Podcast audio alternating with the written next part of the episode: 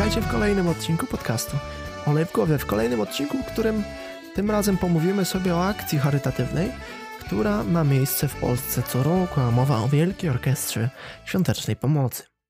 Moi drodzy, Także wiele historii kryje się za tą orkiestrą, bo w roku 2023 miała ona miejsce po raz 31. I po raz ten 31 mm, orkiestra grała, bo tak to się mówi, i Jurek Owsiak na jej przedzie. E, I historii skrywa bardzo dużo. Pamiętam jeszcze czas, w którym zamordowano prezydenta Adamowicza na scenie e, głównej w jego mieście podczas Światełka do Nieba.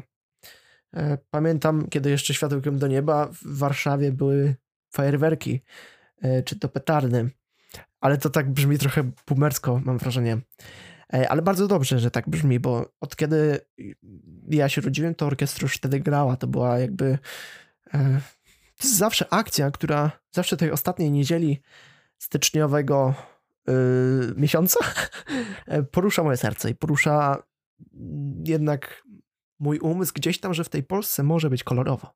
Jakbyście nie zauważyli, zawsze to jest po prostu emanacja wszelakich kolorów i to bardzo dobrze, bo to taki właśnie dzień, jak często bywa jeszcze na styczeń zimowy, pochmurny, czy w ogóle w opłakanym stanie deszczowy, no i w tym dniu nadawanie mu koloru przez wrzucanie, wiecie, e, parę groszy chociażby do, do puszeczki, czy tam banknotu jakiegoś. I otrzymanie za to serduszka to już jest gest, który powoduje, że my jako Polska, choć nie tylko w Polsce e, zbieramy te pieniądze, to powoduje, że my się jednak jednoczymy, że potrafimy udowodnić sobie na tyle, że hej, przecież to w naszym celu, tak właściwie to dla naszych dzieci, dla naszych dziadków niejednokrotnie, no i po prostu jest to akcja szczytna, którą ja zawsze z najszczerszą chęcią będę E, propsował, niezależnie od tego, kto jest na jej czele, a wiele właśnie kontrowersji na temat Jurka Osieka powstaje i to jest główny zarzut właściwie orkiest dla orkiestry.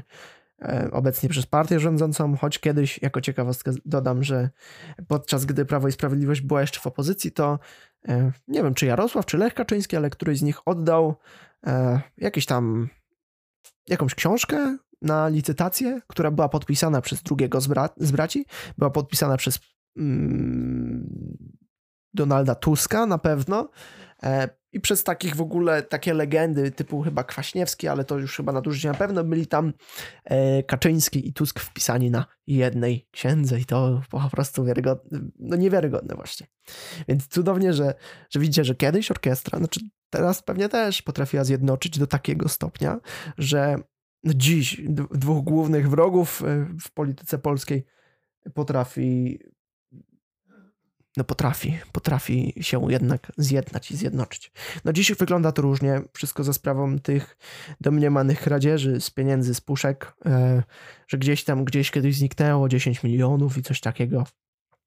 Jakby nie było, mm, oczywiście zwolennicy i przeciwnicy, którzy uważają, że no, z czegoś oni muszą żyć i tak dalej, to jak najbardziej no, no mają rację, no bo fundacja się sama nie utrzyma, to też pewnie generuje dla nich e, to muszą mieć z czego organizować takie akcje, muszą mieć e, z czego zapłacić tym wszystkim, mm, nie wolontariuszom, a e, tym, którzy organizują te, e, te nie wiem jak to, z rzecznikami w sumie, ale mam nadzieję, że wiecie o co chodzi. No i oczywiście przeciwnicy też, no bo gdzieś tam pomiędzy fakturami e, jakieś tam miliony uciekają, znikają. Właściwie to jest ich e, firma, na którą są społeczne pieniądze. Zatem, no, znaczy społeczne pieniądze w takim znaczeniu, że my je dajemy, ale dajemy je z własnej woli. To jest, myślę, znacząca różnica w tej przeciwieństwie na przykład do podatków, bo podatki, no jakby nie było, nie płacimy ich z własnej woli. A na pewno nie chcielibyśmy ich płacić. E, więc to, to, to ciekawe. No i ostatnio natknąłem się na archiwalną transmisję, znaczy transmisję, no jakieś tam nagranie z sądu, w której e, bodajże, nie wiem, państwo polskie, bo to pani policjantka była w oskarżycielach, w sensie, że oskarżała i po oskarżonej stronie zasiadał Jurek Owsiak oczywiście z mecenasem E, I to było ciekawe, bo widzicie, nawet mm, osoba o tak wielkim sercu, mawia się, że to jest pretendent do pokojowej Nagrody Nobla jest stawiany przed Polskim Trybunałem Sprawiedliwości. Jeśli jesteście zaciekawieni tą historią, to polecam zagłębić się, e, choć ten materiał jest ucięty w takim niefortunnym momencie, nie trwa też on za długo. No wystarczy, wpiszecie Jurek Owsiak Sąd i na YouTubie to jest pierwszy, pierwsze wyszukiwanie. Więc ja doszukuję się w tym takich fenomenów właśnie ciekawych.